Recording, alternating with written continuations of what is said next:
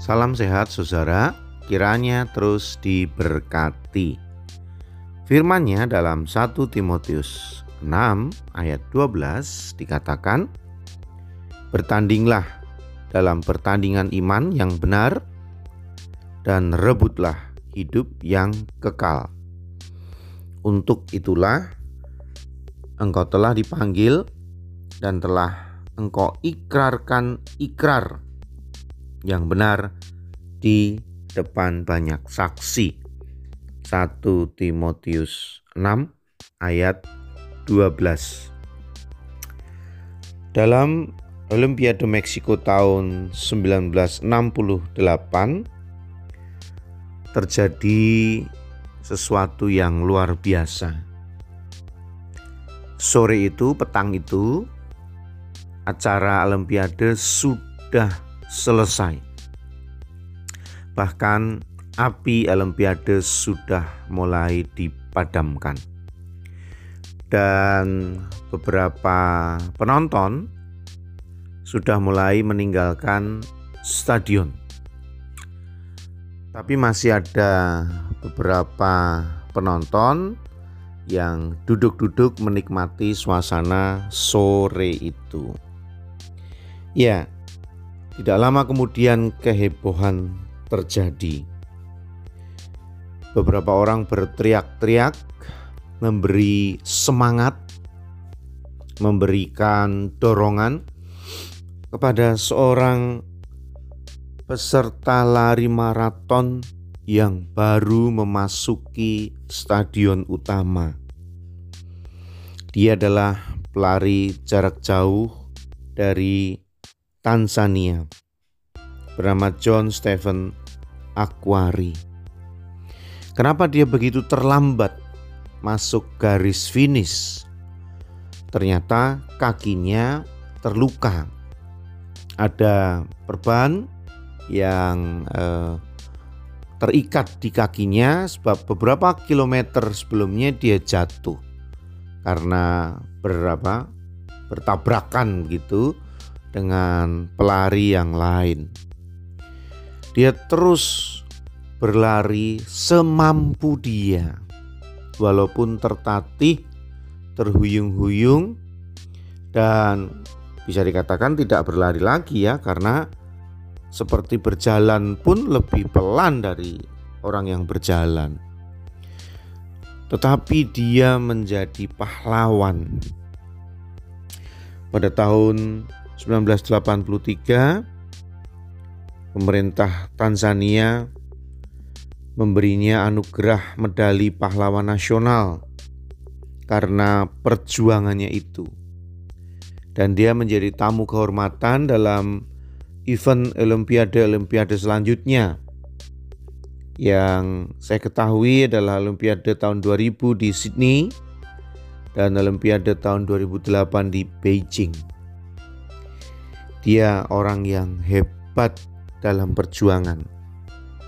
Dia adalah Aquari dari Tanzania. John Stephen Aquari. Ketika ditanya kenapa sih sampai berjuang sedemikian rupa, berhenti aja, wong juga lain waktu bisa uh, dia ulang lagi setelah diobati. Tapi dia mengatakan bahwa negaraku tidak mengirim aku sejauh 7000 km hanya untuk memulai lomba. Tapi mereka mengirimku untuk menyelesaikan perlombaan. Itu soal komitmen, saudara ya. Soal komitmen yang luar biasa, soal ngeyel. Ngeyel yang positif. Ya, kehidupan ini kan memang digambarkan seperti perlombaan. Juga dalam 1 Timotius pasal 6 tadi ayat yang ke-12 hidup ini seperti perlombaan. Nah, sehingga memang orang-orang yang di dalam perlombaan itu adalah para atlet yang berjuang. Orang-orang yang sedang berjuang. Dan namanya perjuangan kalau tidak ada komitmen sangat mudah putus di tengah jalan. Saudara bisa menyaksikan apa yang saya ceritakan tentang John Stephen Aquari tadi di YouTube dan itu sebuah YouTube yang sangat menginspirasi saya karena memang kejadian yang luar biasa ya, sangat mengagumkan. Bagaimana dia menyelesaikan sampai garis finish. Mungkin saudara bertanya, lah kan kalah, ngapain gitu. Kalah dan menang itu persoalan penting. Tetapi ada yang jauh lebih penting, yaitu berjuang sampai garis finish. Pada kenyataannya, Aquari menang. Menang sebagai pahlawan perjuangan. Pahlawan yang menjadi inspirasi kehidupan di dunia. Bagaimana arti berjuang?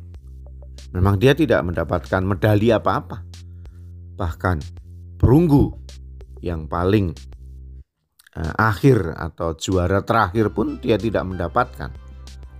Tetapi bahkan sampai hari ini dalam ilustrasi-ilustrasi kehidupan, dalam khotbah-khotbah, dalam renungan-renungan, dan tadi dalam jajaran atlet-atlet dunia akuari sangat dihormati karena perjuangannya yang gigih pantang menyerah. Sebab orang-orang yang tidak seperti Aquari sangat banyak. Memulai tetapi tidak mampu mengakhiri sampai tuntas. Mana yang lebih terhormat? Saya memilih Aquari. Walaupun kalah, tidak mendapatkan medali, tetapi perjuangannya tidak sia-sia dia terus menjadi api semangat kehidupan.